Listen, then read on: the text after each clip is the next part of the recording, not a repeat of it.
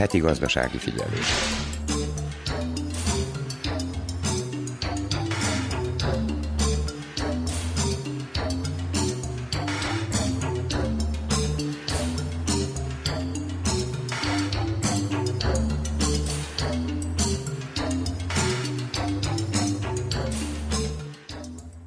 Nagy Emília köszönti az Újvidéki Rádió gazdasági műsorának hallgatóit. A heti gazdasági figyelő első órájában hallhatnak arról, hogy megtartotta szakmai táborát a Vajdasági Magyar Közgazdász Társaság Magyar Kanizsán. Egy összefoglalót hallhatnak majd a gazdasági műsorban. Pénzügyi tanácsadót is kérdezünk az első órában a jelenleg kifizetődő befektetésekről. Műsorunk második órájában a fogyasztóvédelmi mellékletben a jegybanki alapkamat emelés kapcsán a hitelkamatokról és az árfolyamról beszél a szakember. Vajdasági magyar vállalkozókat bemutató sorozatunkban topolyai könyvelői iroda tulajdonosáról hallhatnak. Az idegenforgalmi mellékletben, a vajdasági épített örökségről szóló sorozatunkban ezúttal a Doroszlói Szent Imre Herceg plébánia templomba látogatunk. Ennyi a kínálatból, ha felkeltettük érdeklődésüket, tartsanak velünk a munkatársak Hegedűs Erika és Grajlach Emma, valamint Verica Polyákovics zenei szerkesztő és Nenát Szretenovics hangtechnikus nevében tartalmas időtöltést kívánok. Hú, hú, hú, yeah.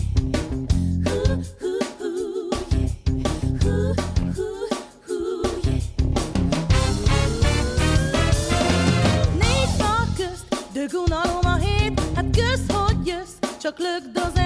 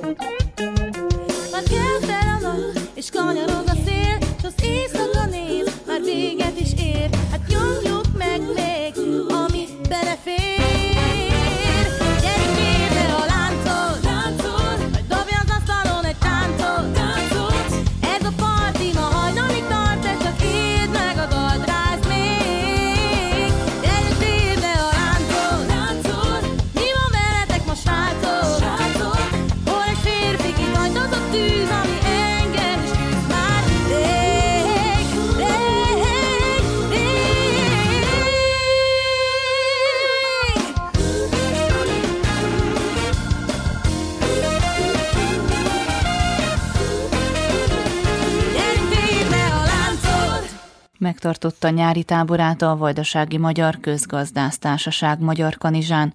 A helyszínen német Ernő rögzített beszélgetéseket, ebből készítettünk összeállítást. Nógrádi György közgazdásszal beszélgetünk, és akkor tehát beszélgetés témája legyen ez a helyzet, a nemzetközi helyzet jó ismerője. Hogyan látja ebből a helyzetből, amiben most van a világ, közép-kelet-európa hogyan kerül ki? Húzhatunk hasznot, ne adj Isten, vagy adja Isten, vagy pedig úgy lesz, mint mindig, hogy a legkisebbek szívják meg legjobban. Gyakorlatilag ott tartunk, hogy a Visegrádi együttműködés nagyon nagy bajban van. Két dologba értünk még egyet, abban, hogy migráns nem akarunk befogadni, kivétel az ukrák, ez nem migránsnak, hanem menekültnek tekintjük, és abban, hogy Európában a kelet-nyugat-nyugat-keleti összekötetés helyett észak-dél-dél-észak együttműködés kell. Ezen kívül a V4-ek nagyon-nagyon komoly válságban vannak.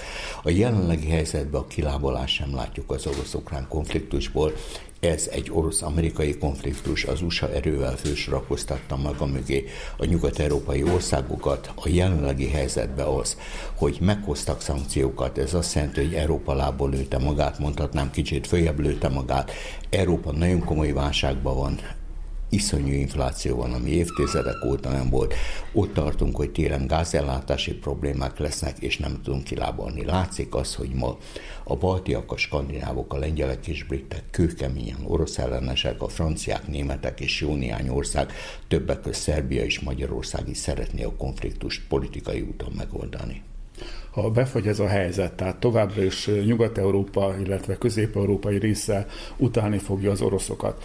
A gazdasági érdek az valahogy felülírja majd ezeket az érzelmeket, hát hosszú távon azért nem nagyon lehet elképzelni, hogy az orosz energiaforrások nélkül létezzen ez a régió. Teljesen igaza van itt a probléma az, hogy mi a hosszú táv, ha télen nem lesz energia, Európa fázni fog, Magyarországon elterjedt egy víz, 80 évvel ezelőtt a németeknek, hogy fázanak, el kellett menni Moszkváig, ma ha otthon maradnak, akkor is fázni fognak orosz gáz nélkül.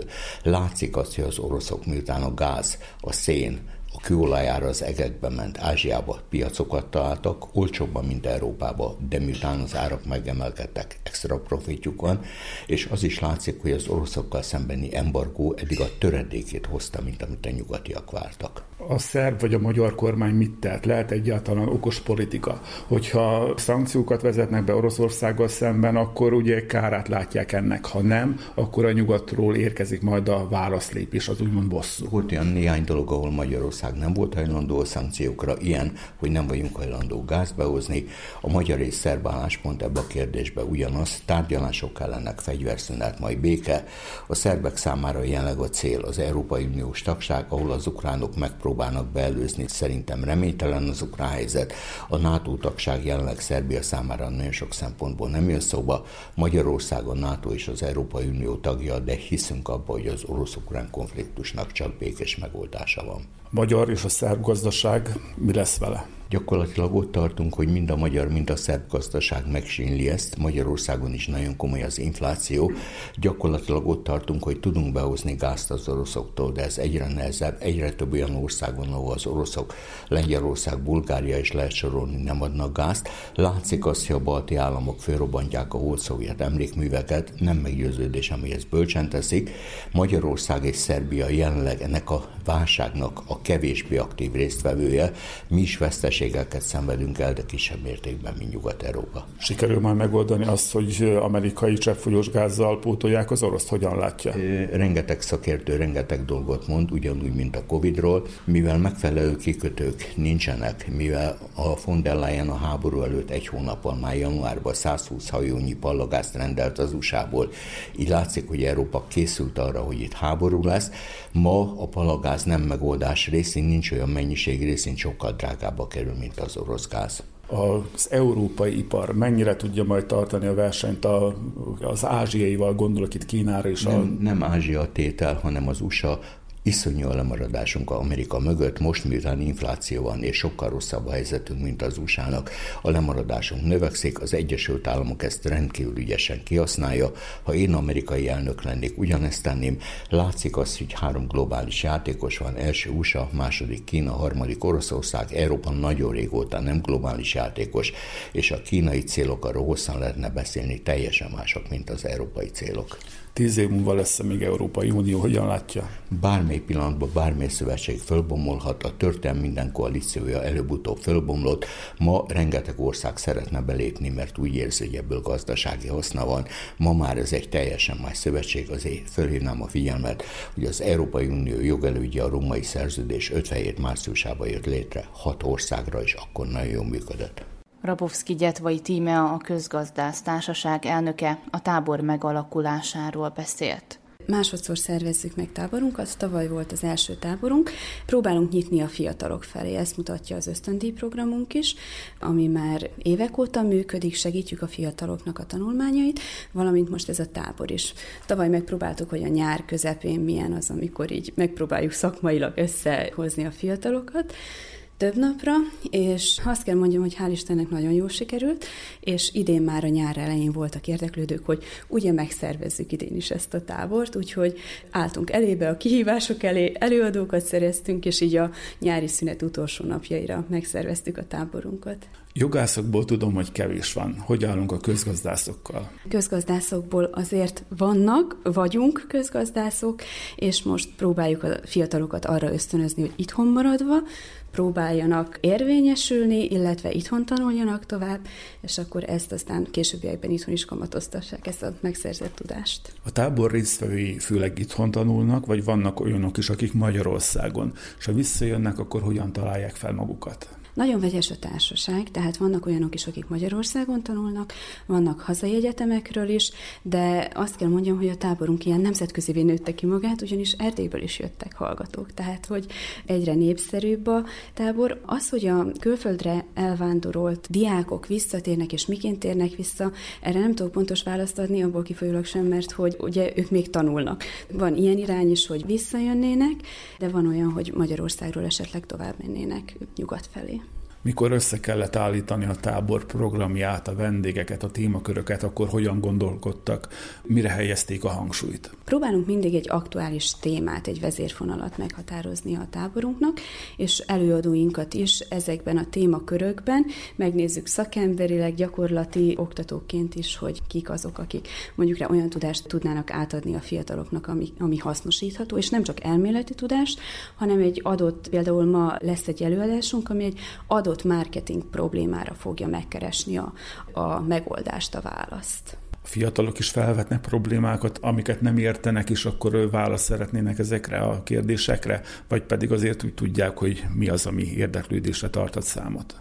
Ez nagyon változó, változó ugye a résztvevőktől is függ, hogy mennyire mernek kérdezni, de talán a második nap végére már egy kicsit oldottabb a hangulat, és akkor ők is bátrabbak, valamint a harmadik napra szervezünk mindig egy vetélkedőt, amely úgy egyénileg, mint csoportban is megméretteti őket, szép nyereményeket vihetnek haza, ezáltal próbáljuk őket ösztönözni, hogy a három nap elhangzott előadásain figyeljenek, és akkor próbálják az ott elhangzottakat megjegyezni, és így jó eredményt elérni a vetélkedőn. A közgazdász az keresett szakmának számít itt a vajdaságban?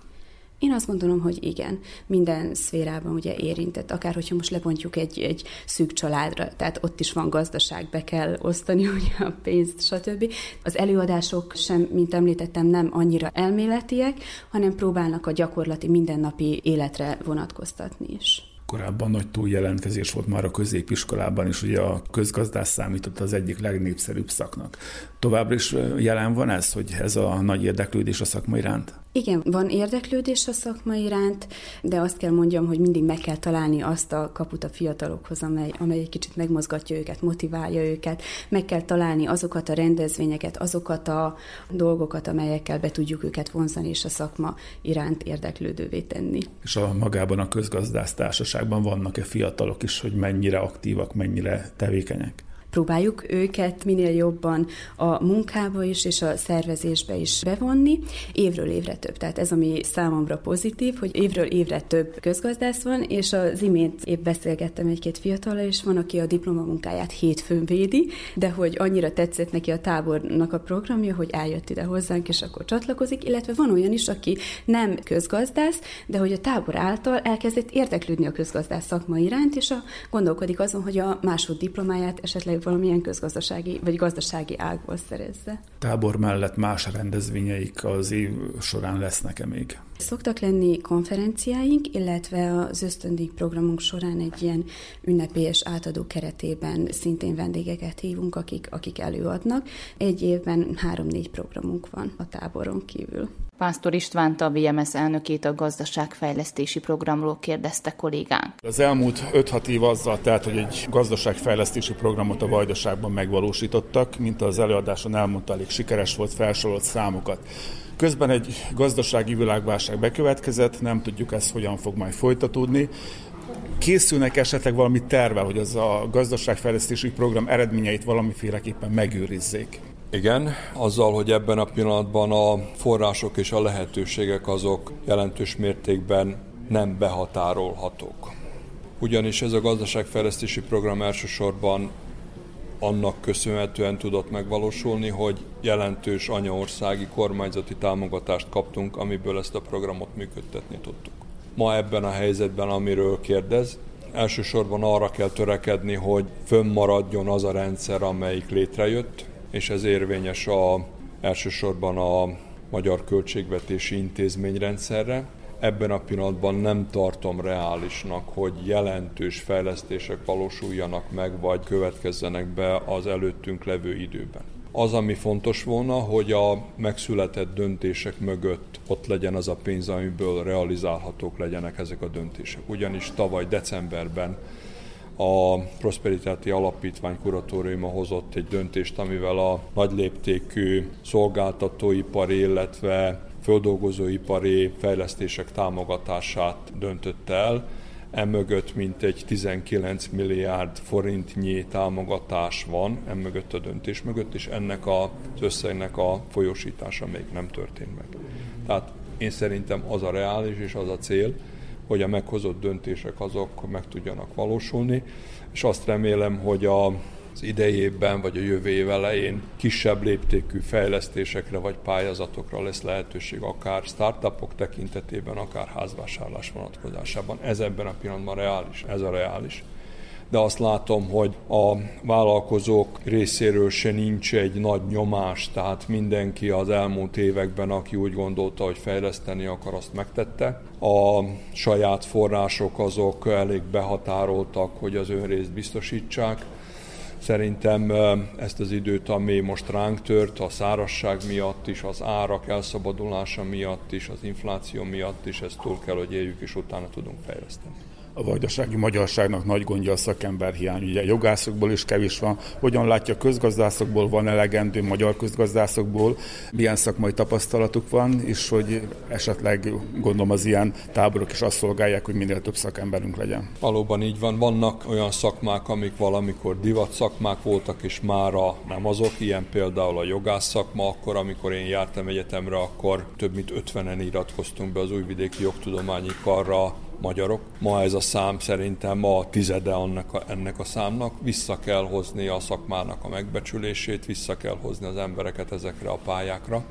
Ezt a célt szolgálják többek között azok a szakmai szervezetek is, amik létrejöttek, a jogász egylet, vagy pedig a közgazdásztársaság, mert egy olyan ázsiót adnak a szakmának, egy olyan műhelyt jelentenek, egy olyan közös szakmai fészket jelentenek, amik előbbre tudják vinni a szakmát is, és hasznára lehetnek a közösségnek.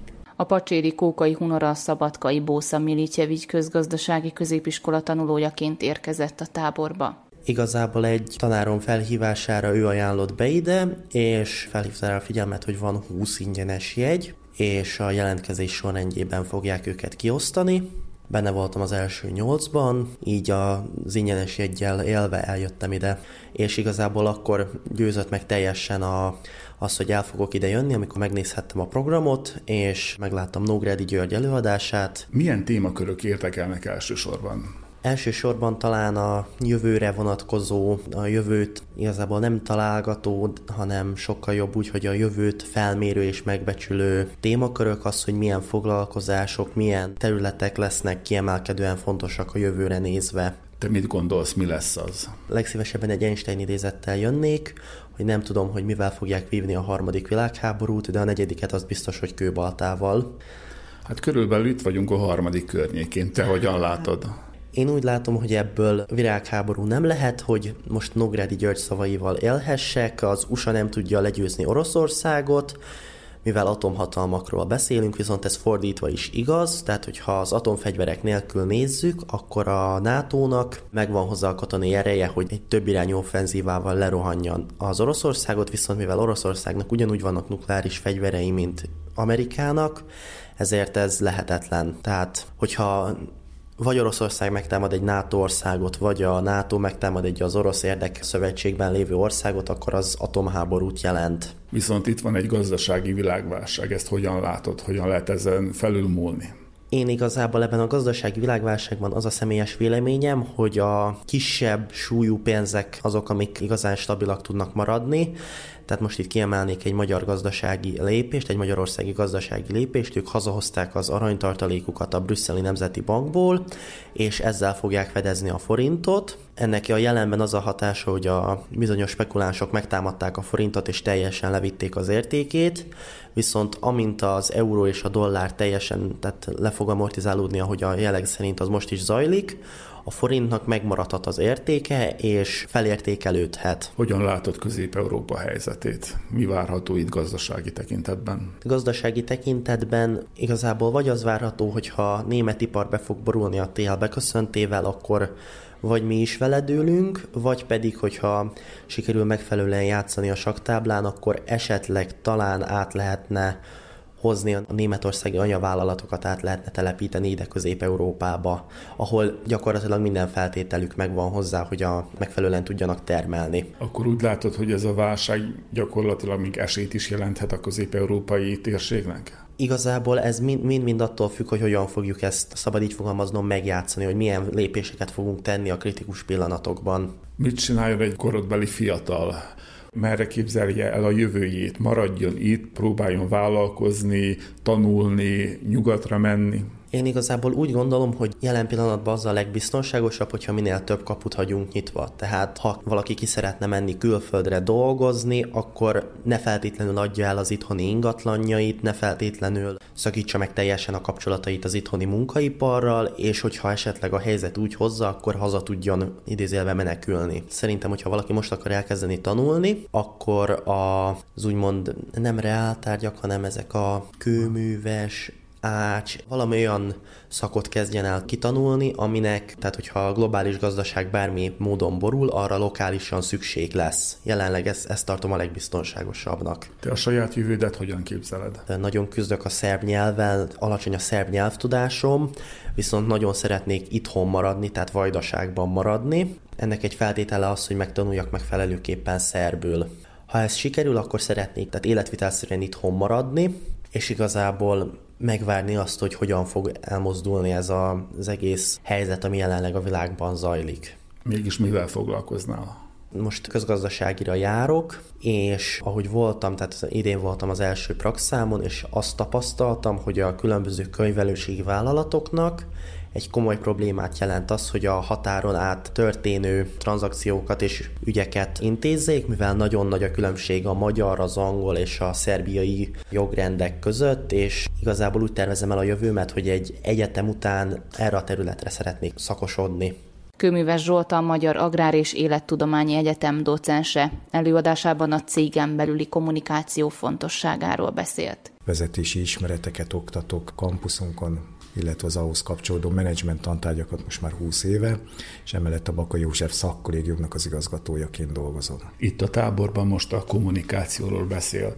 Hát közgazdaságról van szó, kommunikáció hogyan kötődik a közgazdasághoz? Gondolkodtam azon, hogy mi lehet az a téma, ami tényleg érdeklődésre számot tarthat, és ekkor jutott eszembe, hogy hát a COVID-19 válság, illetve az orosz-ukrán háború következményei nagyon súlyos problémákat okoztak a munkaerőpiacon. És ez az egyik ilyen probléma volt, hogy rendkívül nehéz munkaerőt találni, ennek megfelelően nehéz őket beilleszteni a szervezeti kultúrába, a struktúrába, és hát ha be is tudjuk illeszteni, nagyon nehéz őket megtartani. És végeztek egy nagyon-nagyon komoly több ezer főből álló kutatást, és olyanokat kérdeztek meg, akik egyik napról a másik napra otthagyták a munkáltatójukat, és az volt a kérdés, hogy miért tették ezt. És a válaszok döntő többsége arra utalt, hogy az a helyzet, hogy rossz volt a kommunikáció a cégen belül, nem érezték jól magukat a, munkavállalók, nem jöttek ki a vezetőjükkel, kollégákkal, és ez mind-mind megvilágította azt, hogy bizony a kommunikációra nagyon nagy hangsúlyt kell fektetni egy munkáltatónak. Magyarul lekezelték őket, már mint a munkásokat, a dolgozókat? Nem csak, hogy lekezelték őket, hanem egyszerűen nem kommunikálták megfelelően például a szervezeti célokat. Ennek következményeképpen nem tudtak alkalmazkodni, nem látták a helyüket, hogy hol van a cégen belül a helyük, ennek megfelelően nem azonosultak a célokkal, ha viszont nem tud a munkavállaló azonosulni a célokkal, akkor nem lesz elégedett, ha meg nem lesz elégedett, az meg nagyon-nagyon rossz marketing lesz a cégem számára gyakran szerveznek csapatépítő ilyen találkozókat, táborokat. Ezek is fontosak gyakorlatilag, hogy megismerjük jobban egymást, vagy ez fölösleges? Én azt gondolom, hogy ezek a szakmai fórumok nagyon-nagyon jók, hiszen hallanak a, a hallgatók, a fiatalok, a közönség arról, hogy az asszertív kommunikáció, vagy maga a csapatépítés rendkívül fontos, hiszen ma már nagyon-nagyon sok kutatás mutatja azt, hogy a munkai légkör a munkaerő megtartás szempontjából kiemelkedően fontos. Tehát, hogyha vezető beosztáson van, akkor a beosztottjaimmal meg kell találni a hangot, barátkozhatok, megüthetek ilyen hangot, vagy azért maradjak egy kicsit úgy feljebb, tehát meg legyen a tekintélyem, mit javasol? A vezető az vezető, tartson egy kellő távolságot, de nem szabad elfelejteni azt, hogy ő is ember, és baráti kapcsolatokra, viszonyokra szükség van, de a három lépés távolságot én azt gondolom, hogy meg kell tartani a vezető és az alkalmazott között.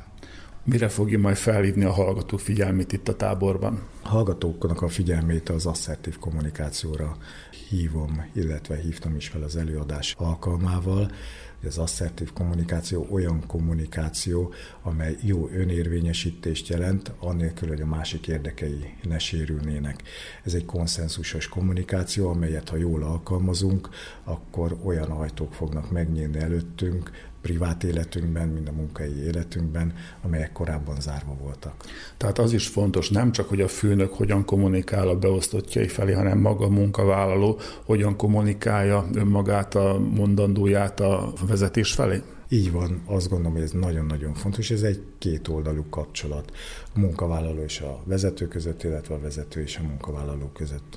Hogyan lehet jól eladni magunkat, hogyan viselkedjünk, tehát mondjuk egy meghallgatáson, amikor jelentkezünk egy munkahelyre? Erről is beszéltem az előadás alkalmával, nagyon-nagyon komoly hangsúlyt kell fektetnünk a nonverbális jeleinkre, hiszen a nonverbális jelek azok közvetítenek rengeteg információt a másik számára, és ezek tanulhatóak, akár egy előadás, egy tréning alkalmával, tehát erre nagyon nagy hangsúlyt kell fektetni. Ugyan az előadásomnak nem ez volt a címe és a témája, de én a Mont módszert alkalmazom, ez egy kiváló módszer, mutasd meg a saját látásmódodat, hozd meg a saját érzéseidet, definiáld a végső következtetéseket, és vonj le valamilyen megoldást. Ezt jelenti a mond módszer, és ez kiválóan alkalmazható a gyakorlati életben.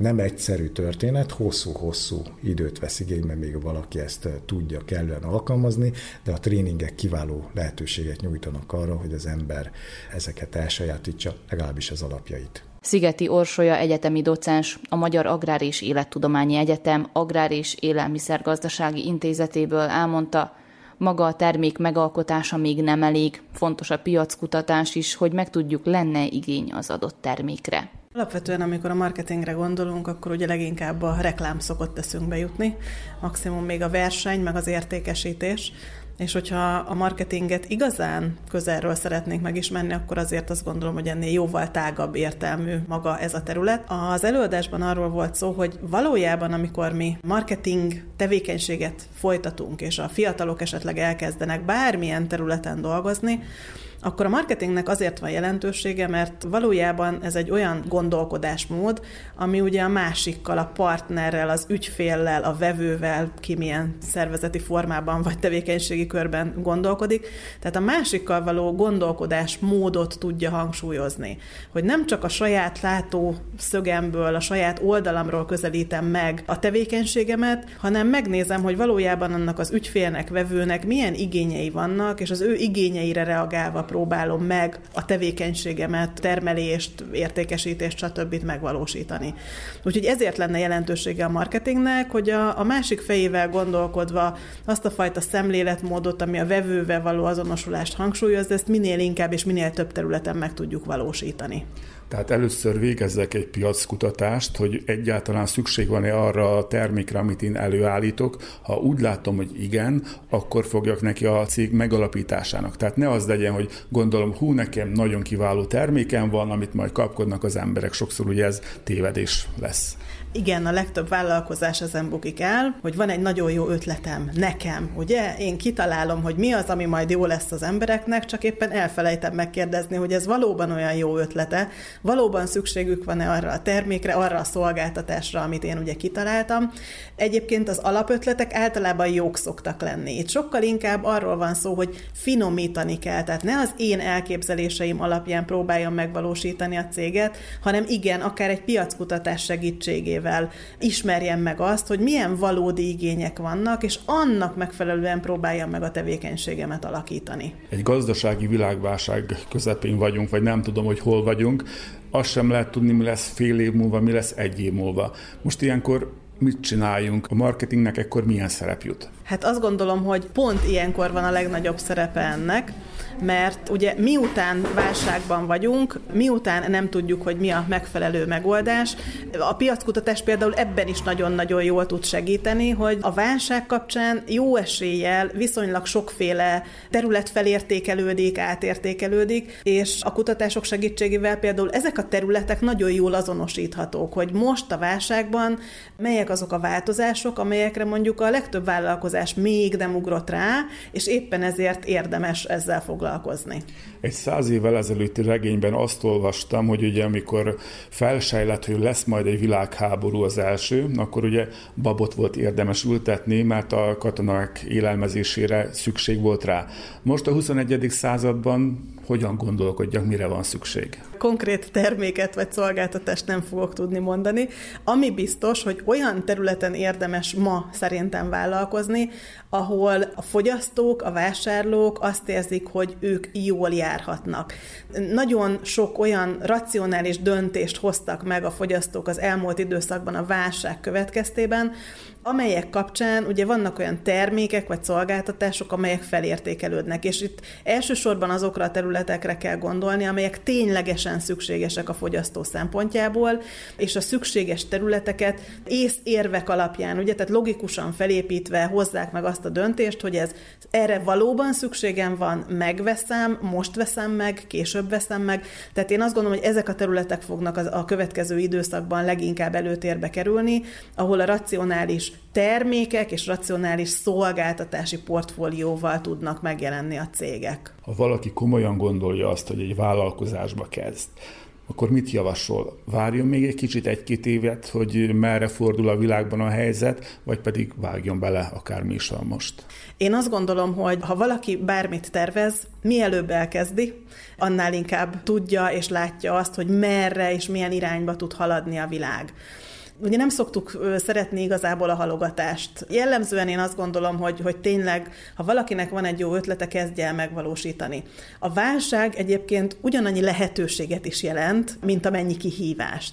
Tehát sohasem jó és rossz szituációk vannak, jó és rossz helyzetek vannak, én azt gondolom a mai világban, hanem vannak helyzetek, amelyeket jól is megfoghat egy vállalkozás, vagy akár ugye az adott cégnek a, a veszteségét fogja okozni, de nem azért, mert az a tevékenység, amit ő végez, az valójában rossz vagy felesleges, hanem azért, mert nem reagálnak jól az adott piaci kihívásokra látható, hogy nagyon sok cég egyébként a, akár csak a COVID kapcsán is milyen hihetetlen mértékben fejlődött. Ez valószínűleg azt is jelenti, hogy váltani kell. Tehát, hogy vannak olyan területek, amelyek láttuk mondjuk a a szolgáltatók azok nem tudtak ugye abban az időszakban igazán jól működni, de tudok olyan szolgáltatót, aki gyakorlatilag ezt felismerve egy teljesen más területbe kezdett, és azon a területen pedig azóta hihetetlen sikereket ért el. Mire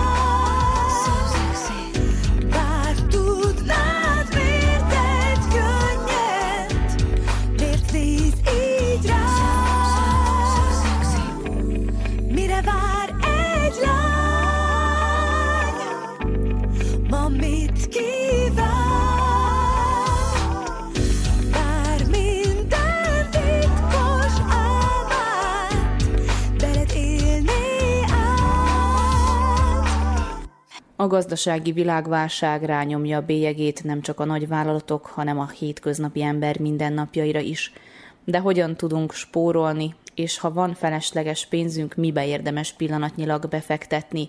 Ezekre a kérdésekre kereste a választ Grajlach Emma, aki Herbut Karolina pénzügyi tanácsadónál érdeklődött. A takarékoskodás és a befektetés mindig is időszerű kérdés volt jelen pillanatban. Mennyire alkalmas beszélni erről? Ez, ahogy mondja is, mindig egy alkalmas téma, és mindig is valószínűleg az lesz, akármennyi pénzünk is van. Na most ugye ezek az árak, a fogyasztói árak, ahogy megnőttek, nagyon sokan, akik tudtak is spórolni, most ott vannak, hogy épp hogy csak van nekik valami fölöslegük, vagy van olyan is, ugye, olyan szituáció is, hogy valamikről le kell mondanunk, mert már nem tud belemenni a költségvetésünkbe.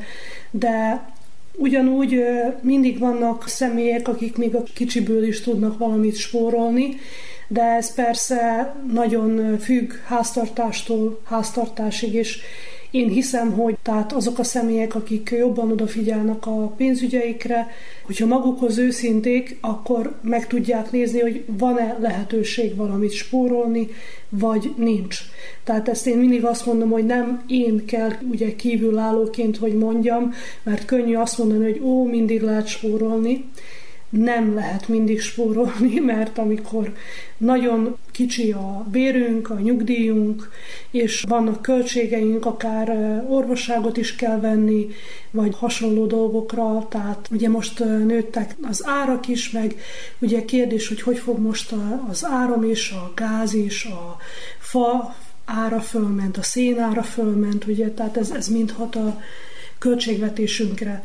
Viszont lehet találni azért lyukakat, hogy hol, hogy spóroljunk meg, esetleg gondolkozni azon, hogy hogy keressünk valami pénzt még mert ugye bár aki épp arra rá akar fókuszálni, az azért tud néha találni apró dolgokat, ahol pluszba keres és ugye bár a háztartáshoz, hogyha az a nyugdíj, vagy pedig a bér mellé. Lehet beszélni minimális összegről, amelyet már be lehet fektetni valamibe? Valójában Szerbiában, most például, hogy konkrétan Szerbiáról beszéljünk, lehet ezer dinárral is kezdeni sőt, még mondhatom az 500 dinárt is, de kerekítsük ki 1000 dinárra. Mert például egy részről vannak a befektetési alapok, itt nálunk úgy hívják ugye, hogy investícióni fond. Ezekbe lehet, amikor aláírjuk a szerződést, hogy tagosodunk egy befektetési alaphoz, akár ezer dinárt is tudunk befizetni. Ezer dináros befizetéssel tudunk kezdeni, hogy például különböző befektetési alapokhoz fizessünk be, vagy akár nyugdíj alaphoz, tehát magánnyugdíjt fizessünk magunknak. De itt, itt persze az a kérdés, hogy ki mennyit tud fizetni, és az, az, ami ennek az előnye, hogy ez nem korlátoz bennünket, és nem kötelez bennünket, hogy továbbra is fizessünk be, és hogy mennyit fizessünk be. Tehát, ha most van ezer dinárom, be tudom fizetni, tehát ebbe a befektetési alapba, és ha megint lesz, akkor megint hozzá tudok tenni.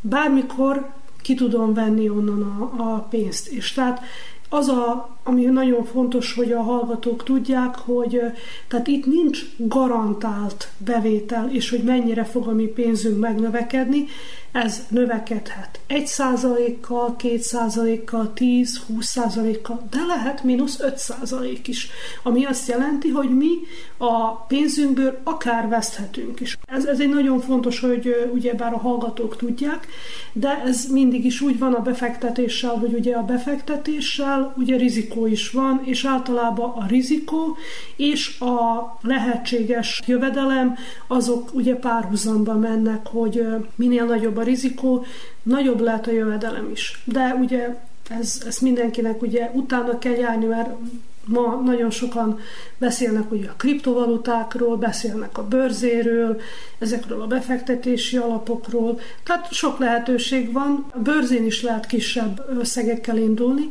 csak ugye a bőrzén azt például külföldön tudunk, lehet van szerbiai bőrze is, de például akiknek már például van 1000 euró, vagy 5000, vagy 10 euró, tehát hogyha nagyobb hozamokat szeretnének, akkor például tudnának fektetni, ezt úgy hívják, hogy ETF, ami az Exchange Traded Fundnak hívják, ami hasonló, mint a befektetési alap, és például vannak olyanok, amikben különféle részvények vannak, és ugye ezek ezért rizikósabbak, de például, hogyha megnézzük az egyik ilyen nagyon ismert ETF-et, az egy ilyen indexet követ, aminek az a neve, hogy S&P 500, amiben az 500 legnagyobb amerikai cégnek a részvénye van, tehát a mi rizikónk már 500 cégre osztódik szét, ugye nem pedig egyre, és például ennek az ilyen S&P indexes ETF-ek például 8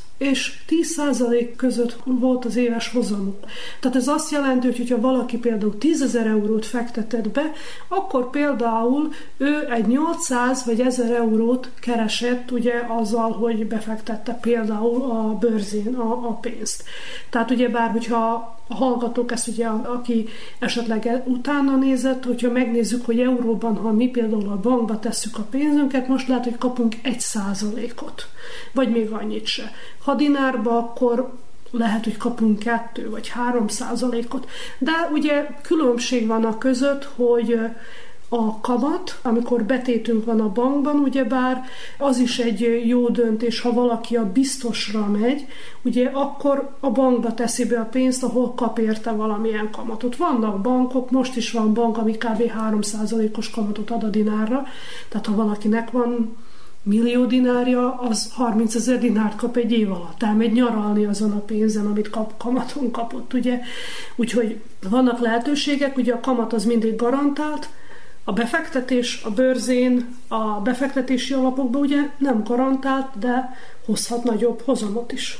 És akinek valamivel több pénze van, például hozzájutott valami örökséghez, vagy valami úton, módon 10-20 ezer, vagy annál valamivel több euróhoz, az ingatlanvásárlás az jó megoldás például? A mi térségünkön egyébként az ingatlanvásárlás az egy nagyon elterjedt dolog, és amint látjuk is, nagyon sokan ebben gondolkoznak.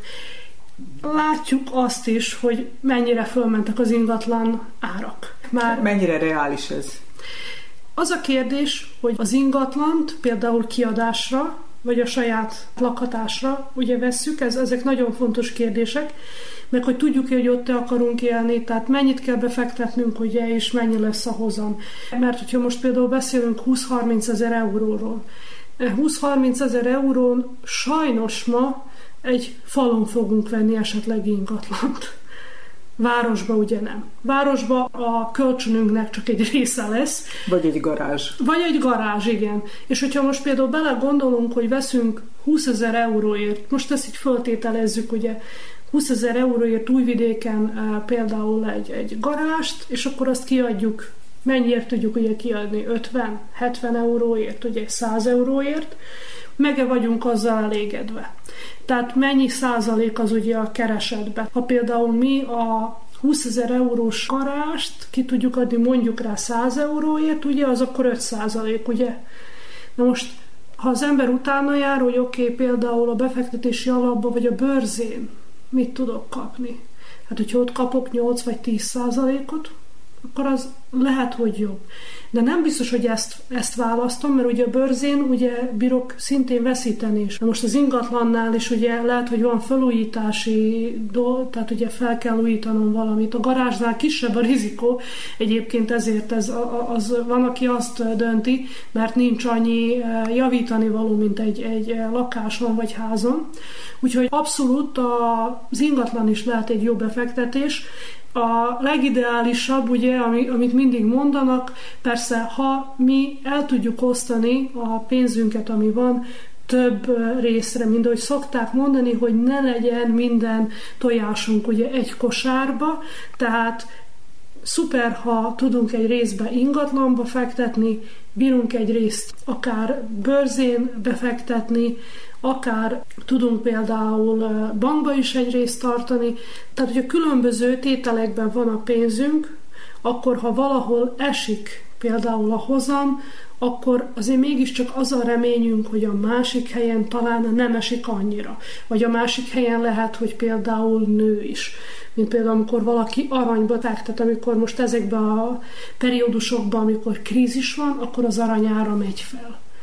Amikor stabilabb periódus van, ugye akkor az aranyára megy le. Tehát ugye ezt mindenki ugye magát kell, hogy hallgassa, hogy e, mi az, amiben ő hisz, mert az, hogy e, most nekem az ismerősöm ugye e, mibe fektetett, az nem jelenti azt, hogy én nekem is abba kell fektetnem. Tehát tudni kell, utána kell járni, hogy mik a költségek, mik a lehetséges hozamok, de ezt ugye nem, nem csak úgy, hogy egy-két mondatot elolvasunk, hanem azért jó utána járni, mert oda azért, hogyha valahova oda teszünk 10, 20, 30 ezer eurót, de akár ezer eurót is. Azért jó, ha tudjuk, hogy mi az, ami a rizikó benne, és mi az, ami lehetőség. Mert hogyha tudjuk, hogy milyen rizikót vállalunk, akkor még ha nem is úgy sikerül az egész, ahogy akartuk, legalább tanulunk belőle de ha fogalmunk sincs, hogy miért nem jött be nekünk a befektetés, az akkor már nagyobb probléma. Herbut Karolina pénzügyi tanácsadónál a vállalkozás indításának buktatóiról is érdeklődtünk. Azt a beszélgetést a jövő heti gazdasági műsorban sugározzuk majd.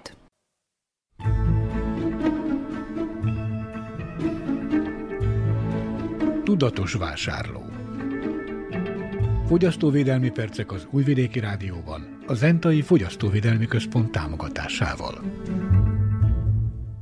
A fogyasztóvédelmi mellékletben a jegybanki alapkamat emelés kapcsán a hitelkamatokról és az árfolyamról beszél Nagymékúti Tibor, a Zentai Fogyasztóvédelmi Központ munkatársa, Hegedűs Erika kérdezte. Mindennek az ára megváltozott, sajnos fölfelé. Pont a banki szolgáltatásoknál említettük, hogy azok is drágultak, hát a hitelekre is. Sajnos ez vonatkozik, ezek se kivételek ebben az esetben. Valószínű, hogy változások várhatók, ha még nem történtek meg de aki fix kamatozású hitelt használ, az valószínűleg egy ideig mindenféleképpen, tehát mindenféleképpen mentesül ezektől a gondoktól, de változó kamatozású hitelek nagyon is várhatóan emelkedett kamatlábat fognak eredményezni, és emelkedő törlesző részletet és az egyaránt vonatkozik a dinár alapú és az euró alapú hitelekre is, hogyha az alapkamat növekedett dinárban is, például itthon Szerbiában, hogy akkor a dinár kölcsönünk törlesztő részlete is növekedhet, hogyha változó alapú kamattal kaptuk? Hát most igen, most mondtuk, hogy növekedhet. Na most ez bankoktól függ, hogy növekszik-e, illetve milyen mértékben növekszik, hát a bankoknak megvannak a maguk számításaik, természetesen a bank nem akarja viselni annak a terhét, hogy bizonyos dolgok neki is többe kerülnek, a pénz többe fog kerülni, ahonnan ő is beszerzi. Tehát ezt a végső fogyasztó szokta mindig, minden esetben, minden árunál megfizetni, már pedig a pénz is egyfajta áru. Az én deviza alapú hitelem szerződésében azt írja, hogy három havonta korrigálják, azaz módosítják, hogyha szükség van a törlesztő részletre. Ez bankfüggő, vagy szerződés függő? Tehát minden szerződésben nyilván benne van, hogy milyen időközönként kerülhet sor a törlesztő részlet módosítására. Igen, igen, természetesen, hogy így, így van, tehát várható, hogyha álljon annak az ideje, hogy a bank fölülvizsgálja ezeket a hitelrészletnek a magasságát, illetve megfizethetőségét, akkor ez meg is fog történni, tehát szerződésbe világosan írja általában a dolgokat. A deviza alapú, elsősorban euró alapú, de többnyire deviza alapú hiteleknél még az árfolyam is változtathatja a törlesztő részlet nagyságát. Abban az esetben, mint például nálunk Szerbiában, hogy az árfolyam talán mesterségesen van tartva, és hogy akkor változhat, vagy akkor inkább csak a kamat miatt változhat? Hát erre nem hivatkozhat, azt hiszem egy bank sem. Hát egy normális, magyarán mondva, paraszt logikával gondolkodva, itt már évek óta nem változott a, az árfolyam, illetve olyan enyhe mértékben változott, hogy észre lehet venni. 10-20 para. Hát talán. igen, és tehát az árfolyam az egy másik téma, hogy miért ilyen, amilyen, de a, mint hivatkozási alap nem szerepelhet a hitelrészletek emelésére. Csak az alapkamat emelés változtathatja meg ezt ezt a dolgot, hát az árfolyam azt látjuk, hogy na most, hogy mennyire reálisan tekinthető, de stabil. Fogyasztóvédelmi percek az Újvidéki Rádióban, a Zentai Fogyasztóvédelmi Központ támogatásával. Vajdasági magyar vállalkozókat bemutató sorozatunkban ezúttal Topolyai könyvelőség tulajdonosáról hallhatnak. Hajvert Eszter vállalkozása mellett főállásban dolgozik, a könyvelőség beindítását pedig nem is tervezte. Őt hallják a következő percekben. Egy nagyon érdekes folyamatnak az eredménye volt az, hogy én vállalkozást nyitottam, 2018 májusában volt egy ellenőrzésem a mostani munkahelyemen is, mivel hogy én a vállalkozás mellett még állandó munkaviszonyban is vagyok, és ott akkor volt egy ellenőrzésünk, a sportszövetséget ellenőrizte, a községi költségvetési ellenőr, és akkor ő megállapította, hogy a sportszövetség nem azt a tevékenységet végzi, amivel egy könyvelősi irodának kellene, hogy foglalkozzon.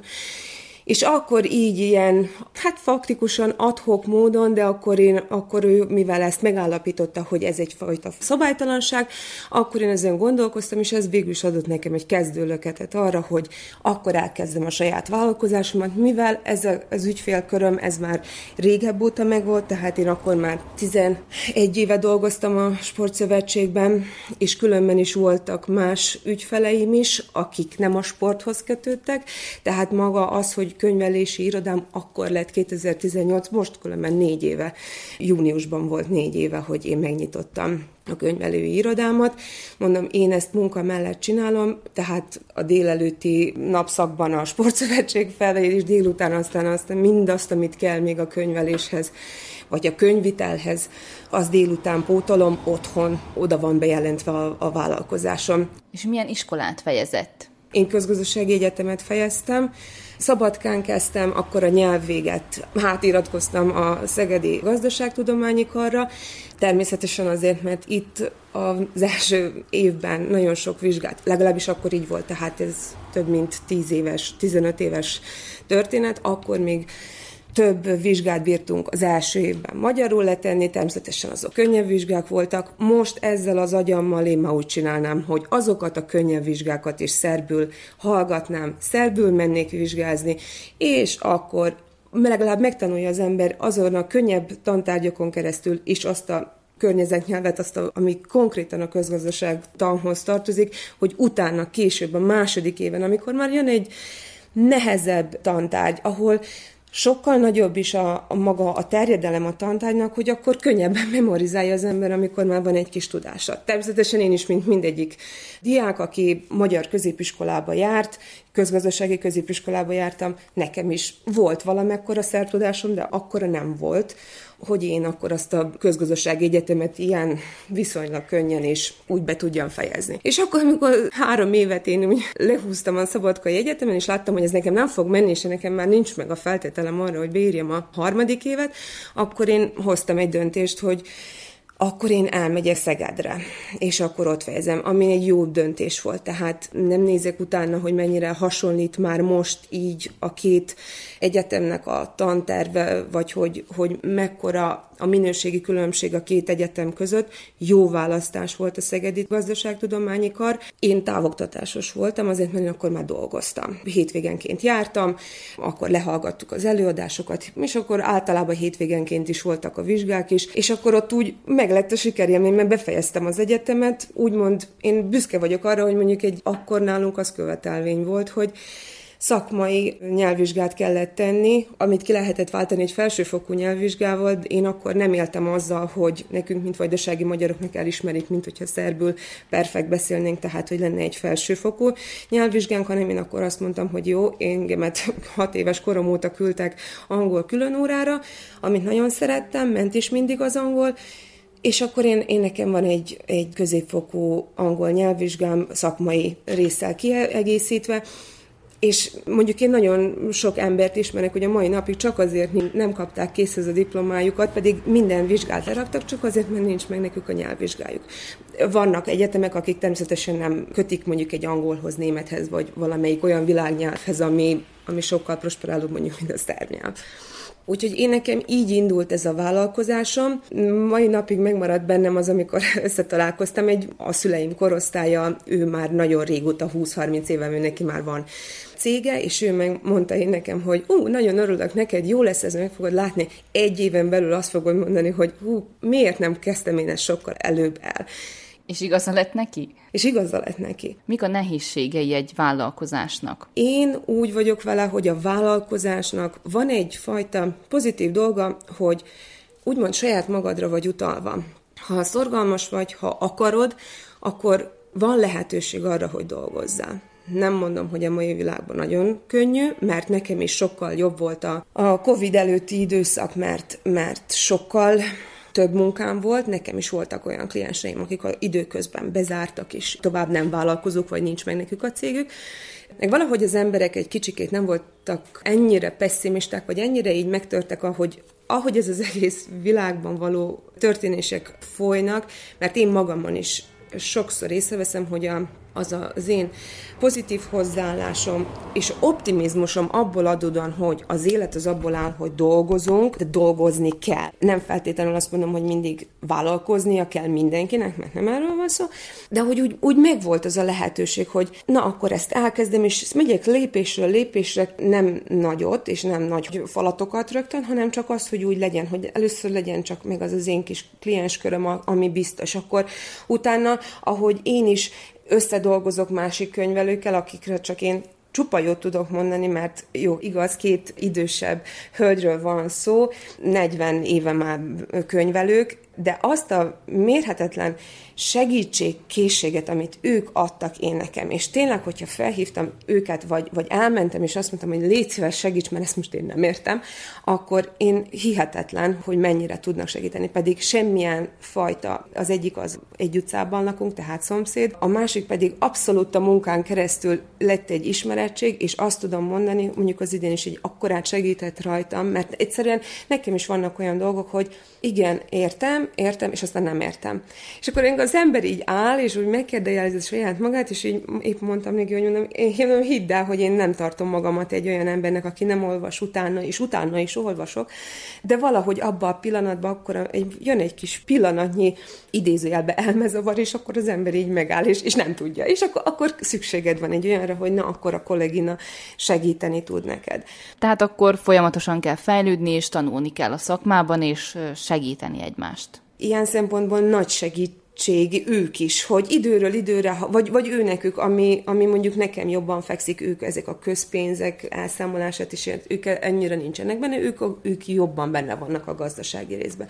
De teljesen más, milyen egy gazdasági alany, tehát egy, egy KFT-nek, egy vállalkozásnak a könyvelése, mint mondjuk az ilyen non-profit szervezetekért, mert ő rájuk is, tehát ugyanazok a szabályok vonatkoznak, de vannak kitételek, amire mondjuk egy vállalkozás során nem figyel annyira az ember. Mennyire nehéz most a jelenlegi gazdasági helyzetben boldogulni, úgy alapvetően? A mai helyzetből adódóan nem mondom, hogy egyszerű Szerbiában élni, de aki szeretne dolgozni, és most nem a, a könyvelési irodára gondolok, hanem úgy általánosságban, az azért, azért szerintem tud dolgozni, csak ehhez akarni kell. Én amit látok nagyon sok embernél az az, hogy rögtön akarok sokat, és az úgy alakuljon ki. Nem. Mondom, én nekem szerencsém volt, mert a kliens köröm az már az volt. De utána azt, hogy én mentem lépésről lépésre, és az emberek, aha, megnyitottad a, a könyvelési irodádat, akkor ez így jött. És így ehhez sajnos idő kell, ahhoz, hogy az emberek ezt megtudják, jó, vannak erre eszközök, hogy hirdetés, de a legjobb cégér az, az mindig az, hogy én nekem azt mondták, hogy te ezt tudod csinálni. Persze mindig lehetne ezt bővíteni, vagy, vagy például, mint ezek a kolléganők, akiknek van saját, úgymond könyvelési van, akinek van munkása mellette, még három munkása, ő egy nagyobb cégnek minősül, mert ő, ő neki ez az elsődleges kereseti forrása. Én még nem döntöttem el azt, hogy szeretek különben itt dolgozni a sportszövetségben, de megint azt mondom, mint nőnek, a mai 21. században. Én örülök, hogy mertem, örülök, hogy így hozta a helyzet, örülök annak, hogy mondjuk az anyukám ebből adódóan is büszke lehet rám, mert ez az ő érdeme is. Ő az iskoláztatás és az egyetemi évek alatt, hogy ez én nekem a vizsga nem fog sikerülni, meg fogok bolondulni, és az őnek is jó, hogy a gyereke előre, előre megy. Én, én ezt látom ő rajta, és én, ez mondjuk az egyik ilyen dolog, hogy én örülök, hogy, hogy ő, ő büszke én rám olyan szempontból, hogy mindaz az energia, amit belém fektetett, az kifizetődődik. Most egy másik dolog az, hogy Szerbiában élni, igen, nem olyan egyszerű. Volt tervben valamikor külföldi munka? Persze nekem is, amikor mondják ismerősök, akik kint élnek Nagy-Britanniában, ahol én is voltam, és egy időben én is meg voltam indulva, hogy elköltözök Londonba, épp abból adódóan, hogy a Európai Uniós diploma, nyelvvizsga, minden, és amikor mondták, hogy a könyvelők akkor, hogyha már egy van neki egy bejáródott kliensköre, a 6000 fontot is megkereshetnénk, akkor én nekem is jött az, hogy hát Eszter, ez úgy rossz helyen vagy, de megint azt mondom, külföldön dolgozni, és nem, ott sincs kolbászból a kerítés. Általában az, aki kimegy külföldre dolgozni, annak két fajta ruhája kell, hogy legyen, egy munkás ruhája, meg pizsamája. Ennyi. És akkor utána a, sok minden az, ami van, hogy úgymond szülők, a barátok. Maga az a környezet, ahol felnőttél, a házad, vagy, vagy egy új élet, hogy közös otthon, hogyha az ember úgy alakul neki az élete, az mind háttérbe szorul, és ez másmilyen formában megvalósul. Messze menően nem vagyok az ellen, hogy külföldre szerencsét próbálni. Én úgy érzem, hogy még per pillanat én itt meg tudom úgy találni a számításaimat, hogy szerényebben, mint mondjuk két-három évvel ezelőtt, de tudok előre menni. Mondhatjuk ugye, hogy ebben a szakmában is folyamatosan kell tanulni, fejlődni az előrehaladáshoz. Az én munkám az olyan, hogy én amikor befejeztem az egyetemet, akkor annak örültem a legjobban, hogy de jó, sose többet nem kell tanulni nem lesznek nehéz könyvek, tehát volt az egyetemi évek alatt, amikor még Szabadkán jártam a statisztikát, amire mondjuk az egyik legbüszkébb vagyok, mert az összes a matekot és a statisztikát tízessel és kilencessel raktam le, tehát számok világa az, hogy közel áll a mai, mai napig hozzám,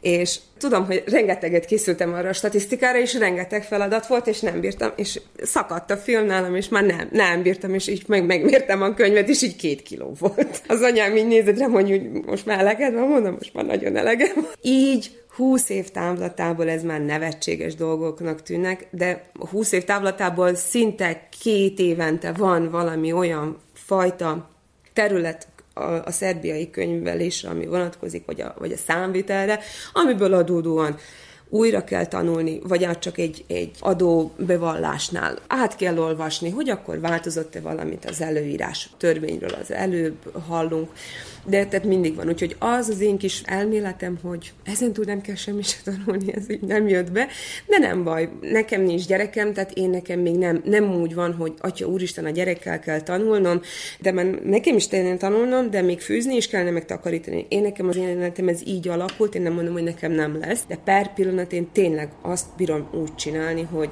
hogy a, a munkámra a vállalkozásomra, a szabadidőmet arra fordítom. Az én párom, ami mondjuk külföldön dolgozik, és ő is mindig azt mondja, hogy azért, ha azt gondolják az emberek, hogy kimenni külföldre dolgozni, az olyan nagyon jó és nagyon egyszerű, hát nem. Az egy másfajta tempó, más ott az egész minden. Senkit sem lehet az alapján elítélni, hogy fogja magát és elmegy külföldre, vagy azt mondja, hogy hülye vagy, hogy itt maradtál minden kettőnek van előnye is és hátránya is. De mondom, az, amit én nekem még volt egy ilyen nagy, hogy a mai világban, főleg a 21. században, annak ellenére, hogy nemek közötti egyenjogúság minden szerintem egy nőnek muszáj, vagy hát legalábbis nem lenne rossz, hogy úgy álljon a lábán, hogyha ne adj Úristen valami történik, akkor akkor ne legyen az, hogy ja Istenem, nincs a férjem, aki utána engem átad majd. Az én anyukám mindig dolgozott, az apukám is mindig dolgozott, és én nekem valahol ez, ez az van, hogy annyira sok nőben meg lenne egyfajta potenciál, bármilyen fajta, nem csak a könyvelésről beszélek, hanem bármilyen fajta, csak ahhoz, egy kicsit úgy meginduljunk, hogy ne azt várjuk, hogy majd, majd segít apám, meg segít anyám, vagy segít a férjem, amiben nincs semmi probléma, hogyha segítenek, de utána azt az erőt, amit a saját erődből, vagy abból a saját kínlódásodból, vagy szenvedésedből, amit már nekem is voltak olyanok, amikor így álltam, hogy így nem is kellene ezt nekem csinálni.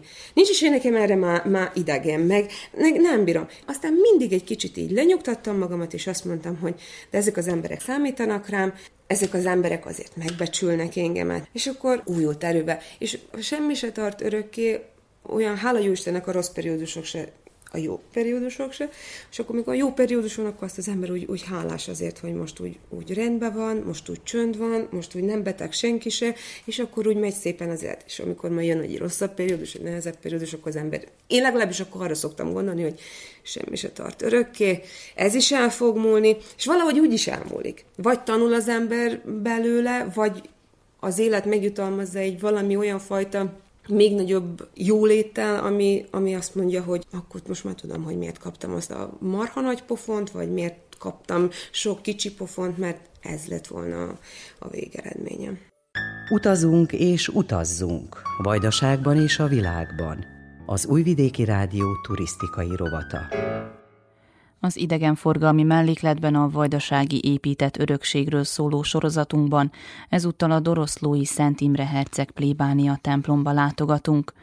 A plébániát már 690 évvel ezelőtt is említik, de önállóan csak 270 éve alapították. Az első templomot pedig 222 éve emelték, amelyen egy hónappal ezelőtt szentelték fel a templom felújított toronykeresztjét, de további tatarozás is szükséges, mondja Verebély Árpád címzetes prépost, doroszlói plébános, akit Hegedűs Erika kérdezett. 1803-as a templomnak az építési dátuma, de ez, ez a közössége sokkal régebbi, tehát az 1332-es fejezésekben szerepül már Doroszló. Az a helyzet, hogy a, a, az újra telepítése korában Doroszlót nem oda telepítik vissza, ahol eredetileg volt, hanem egy kb. 3 kilométerre. A Mosztonga túlsó partján volt. Tehát a jelenlegi Doroszlóhoz képest a Mosztonga túlsó partján volt, és kb. 3 kilométerre. A Bajkúthoz telepítik egészen közel. 1752-ben alapítják meg az egyházközséget, és a, a Szondi egyházközségnek a, a leány egyháza, de az 1800-as évektől már önálló templomként működik. A templomot Szent Imre herceg tiszteletére szentelték, és a templom 30 és fél méter hosszú és 11 és fél méter széles és 12 méter magas, a tornya pedig 32 méter. Toronyban négy harang van, ebből a, a legnagyobb az 540 kilás. És ezek még az eredetiek? Vagy uh, itt is megtörtént, hogy elvitték és újakat kellett aztán visszahozni? Tehát a, a nagy harangokat szinte mindenhol elvitték. Tehát itt is, a, a, ami megmaradt harang, az lett a nagy harang, tehát hogy nem, tehát a, nagyon sok helyen nem tudták már pótolni a, a nagy harangokat. Tehát itt is a legnagyobb az az eredeti, de nem a legnagyobb, ami a templom toronyban volt. Most bent ülünk a templomban, nekem kicsit szokatlanul sötétek a falak. Miért? Egyébként a templom az nem túl sötét, mert elég nagy ablakok van, és nagyon sok ablak van, és nem vitrás, hanem tiszta üvegű, tehát világos, viszont a falak számomra picit sötétek. 1970-es évek közepén festették le és a, nagyon érdekes, hogy mindent ilyen, ilyen szürkés árnyalatra festettek. Valószínűleg egy korszellem lehetett, hogy, hogy így díszítik a templomfalakat, hiszen akkor a 70-es években építik meg a, a zsinati oltárt, és itt is gyakorlatilag majd, hogy nem teljesen megszüntették a főoltárt, csak, csak egy bizonyos Nagyon minimális része maradt, része meg. maradt meg maga a Szentségház, meg elég sok átalakítás történt a templomba, tehát megszüntettek oltárokat, áthelyeztek oltárokat. Ami, ami érdekes az, hogy megmaradt a szószék.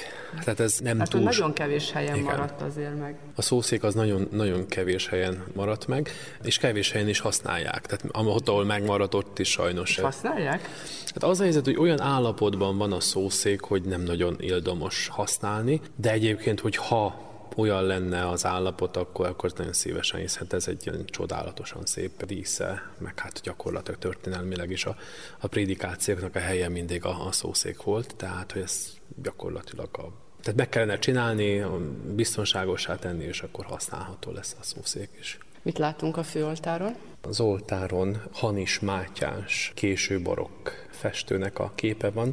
Szent Imre Herceg alakja, amikor a boldogságos szüzanyának a liliomot nyújt egy párnán, ezzel a, az ő szüzességét próbálja kiemelni a festőt, hiszen Szent Imre Herceg, tehát a szűzi életet él, és a, akkor, amikor a vadászatban megsebesül, akkor gyakorlatilag őt, mint szűz herceget tiszteli a, az egyház, és a maga erkörcseiért a magyar ifjúságnak a védőszentje is Szent Imre Herceg. Az oltárkép alatt a tabernákulum van, az oltár építmény az ugyanúgy timpanonos oszlopszerű, és Jézus szíve és Mária szíve szobrok állnak, az oltár körül pedig tehát angyal szobrok vannak a Szentségház, illetve a Szentségháznak a bejáratánál és angyalok vannak. Aztán a szentély falán egy Szent Anna kép van, ahogyan Szent Anna és Joachim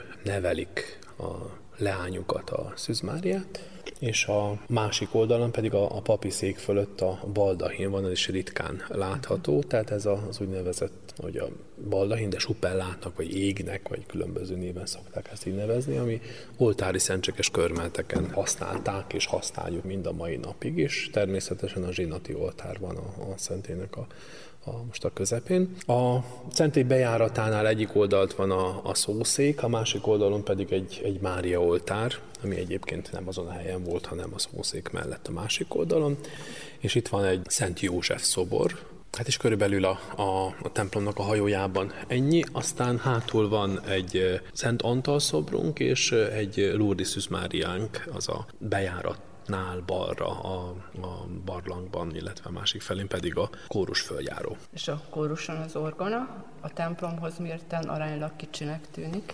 Hangzásában nyilván Hangzásában relatív jó, tehát ez is egy angster orgona, és ez az orgona is 1800-as évek végéről származik, tehát hogy 100 20 valahány éves hangszer. Egyébként használjuk, tehát a, van kántornő, aki, aki rendszeresen használja az orgonát. Tágasnak tűnik, hogyha nem nézzük az oltár részt, akkor gyakorlatilag majd nem olyan széles, mint amilyen hosszú.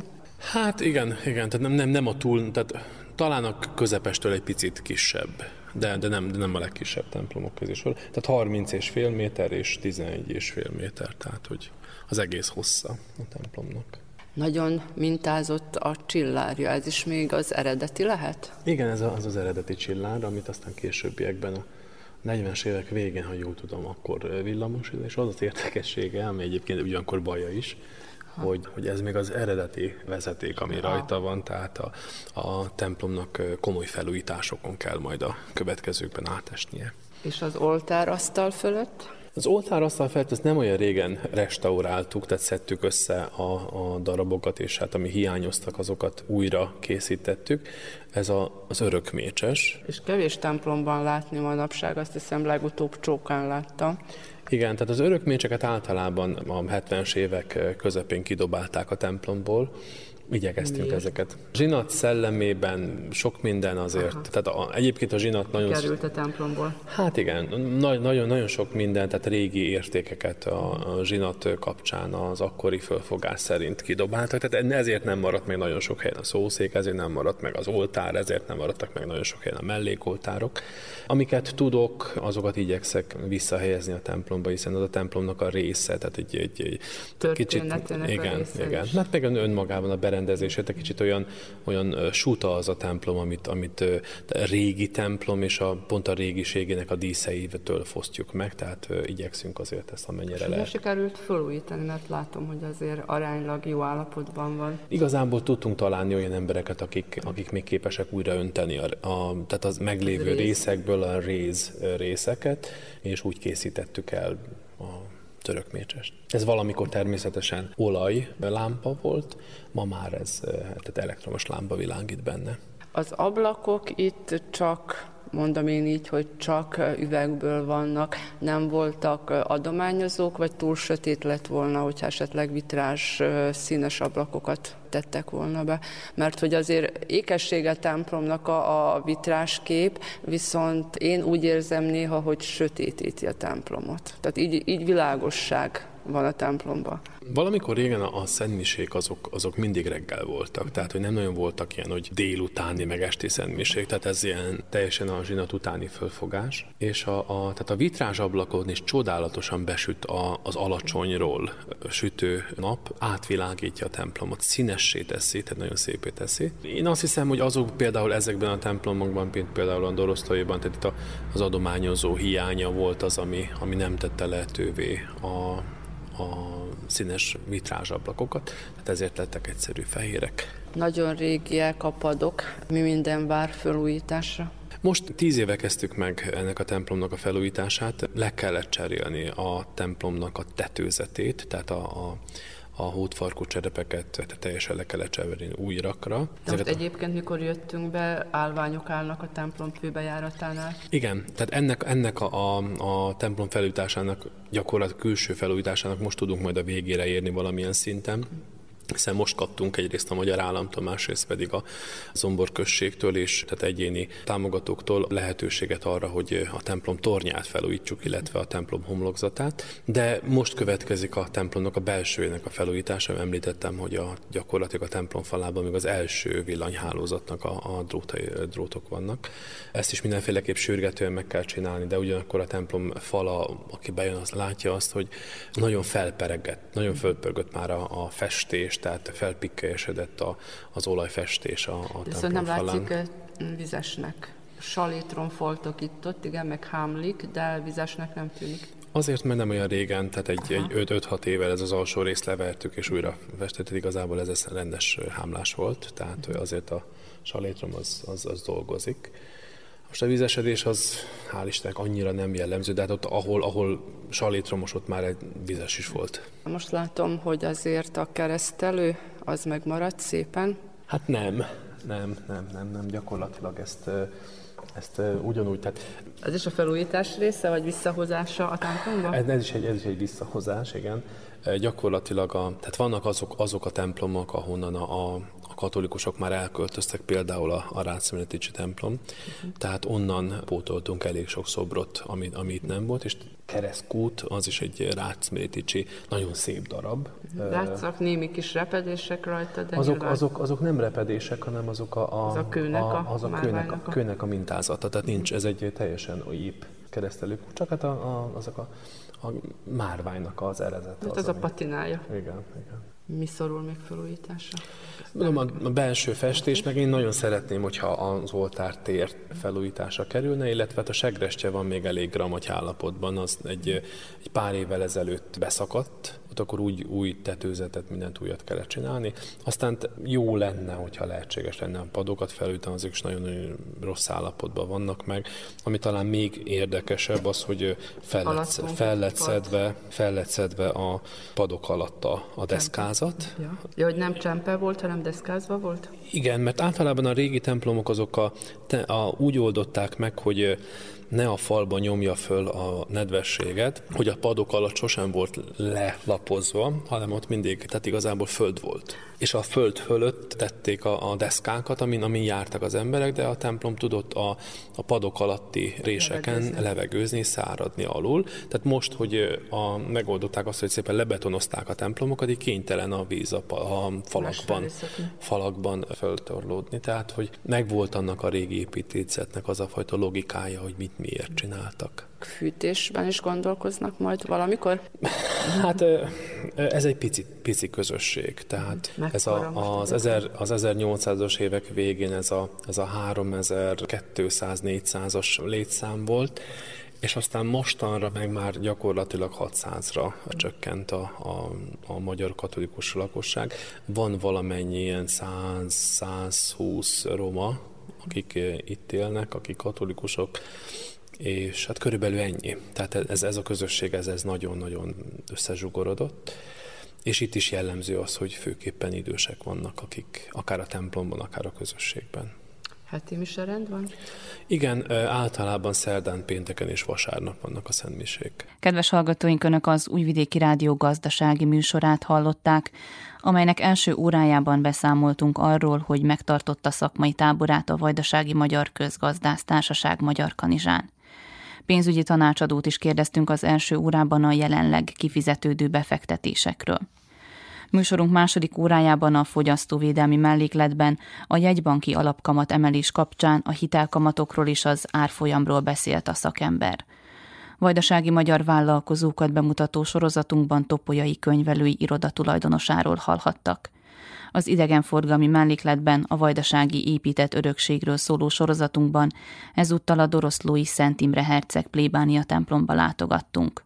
A munkatársak Hegedűs Erika és Grajlach Emma, valamint Verica Polyákovics zenei szerkesztő és Nenát Szretenovics hangtechnikus nevében Nagy Emília köszöni meg hallgatóink figyelmét. Műsorunk visszahallgatható a www.rtv.rs.hu honlapon, a médiatárban, a heti gazdasági figyelő cím alatt. A gazdasági műsorral a jövő héten is a szokásos időben kedden délelőtt a 10, és az esti ismétlésben a 8 órai hírek után jelentkezünk. További szép napot és jó rádiózást kívánok!